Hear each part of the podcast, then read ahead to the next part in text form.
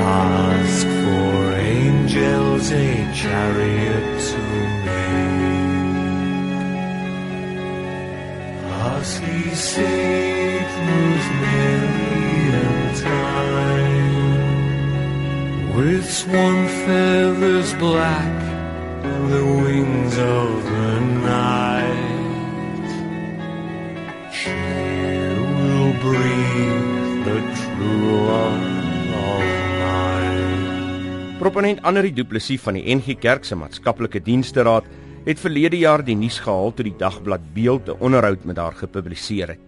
Haar nuuswaardigheid het alles te maak gehad met haar lipring, die pennetjie deur haar linker wenkbrau, die donker lipstifie, die swart klere en die swart stewels waarmee sy haar goth uitrusting afrond. Vir baie mense in die kerk skry dit ten hemele.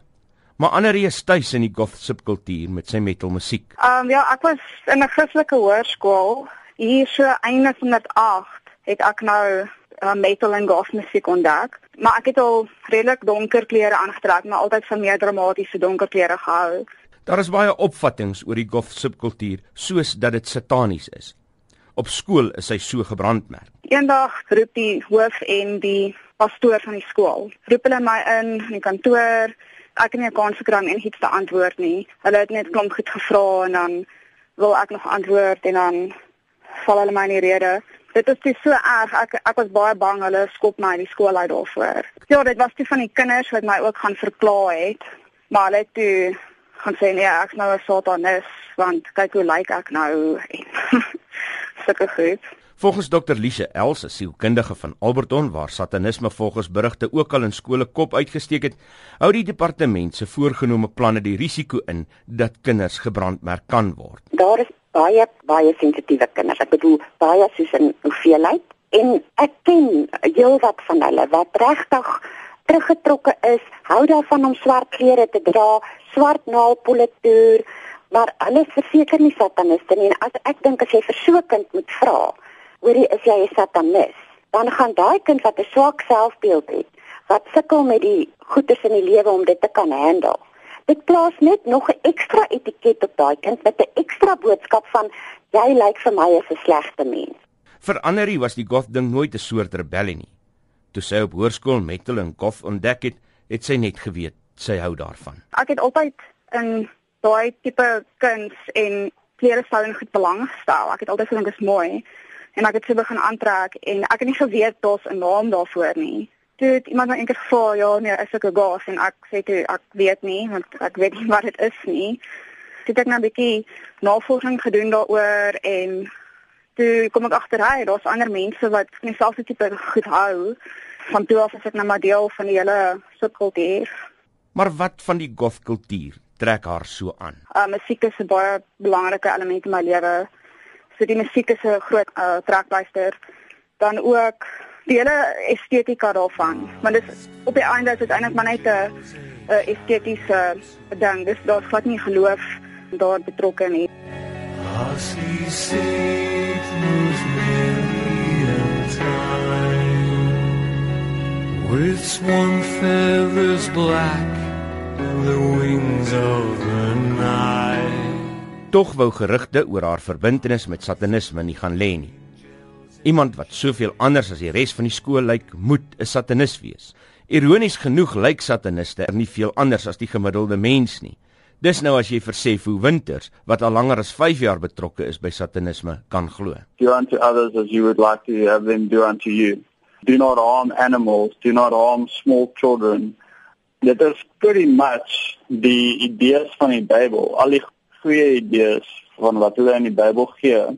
Die oudspeurder Eugene Halliday wat daarop aanspraak maak dat hy al langer as 30 jaar navorsing oor satanisme doen, beamoen Winters se aanspraak. Halliday is uitgesproke daaroor dat satanisme, soos dit in die media geïdentifiseer word, nie bestaan nie. Hy meen dis 'n klein groepie mense wat 'n verskoning soek vir hulle misdadige gedrag. Die goed wat hulle van praat in die Koran het my altyd verstom dat mense dit wragtig kan glo. As jy gaan kyk op jou op, op fisiologie, as jy katbloed drink, jy gaan waarskynlik vrek. Jy weet daar is redelik baie bakterieë in. En uh hierdie ouens wat sê jy weet hulle gemeenskap met katte gehad, ek het dit een keer gehoor. Wel ek wil weet of daai ouens hulle kat probeer bak het. Ek het 15 katte. Selfs die departement van onderwys erken dat daar geen uitsluitlike bewyse van satanisme en okkultiese bedrywighede in skole bestaan nie. Maar die woordvoerder van die departement, Charles Patlani, sê hulle gaan nietemin voort met 'n strategie in hierdie verband. We felt that we need to have a response to issues of the occult and satanism.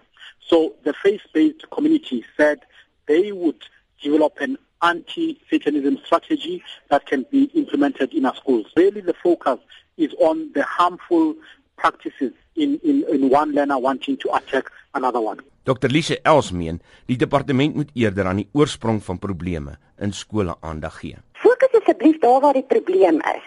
Naamlik te veel kinders in 'n klas, dissiplineprobleme by die huis en by die skool, swak onderrig. Die kinders is ongemotiveerd van die onderwysers daag nie op in die skole nie. Dis baie groter issue dink ek wat die onderwysdepartement behoort aan te spreek. Intussen wag die vrou wat voorheen en selfs vandag nog as 'n satanis gebrandmerk word om 'n beroep na 'n gemeente in haar kerk te kry. Sy moet gedurig antwoord op die vraag hoe haar voorkoms, lewensuitkyk en geloof met mekaar versoen kan word. Dis baie maklik, sê proponent Annelie Du Plessis. As mens kyk na die Bybel, is dit ook nie net sonskyn en rose nie, want mens kry iets soos ehm um, Job en klaagliedere en prediker en selfs as mens kyk na die hele kruisdood en die vervolging en die hele storie van Jesus, is dit ook nie net heeltyd blommetjies en sonskyn nie. En satanisme in skole, wat dink sy daarvan? Ek dink mense is, is net bang en hulle wil 'n naam vir 'n ding gee en dit is makliker om te sê Satan as wat dit is om te sê daar's 'n probleem in die samelewing en ouers moet dissipline toepas en onderwysers moet dissipline toepas. Dit was proponent Anri Du Plessis van die NG Kerk en ek is Isak Du Plessis in Johannesburg.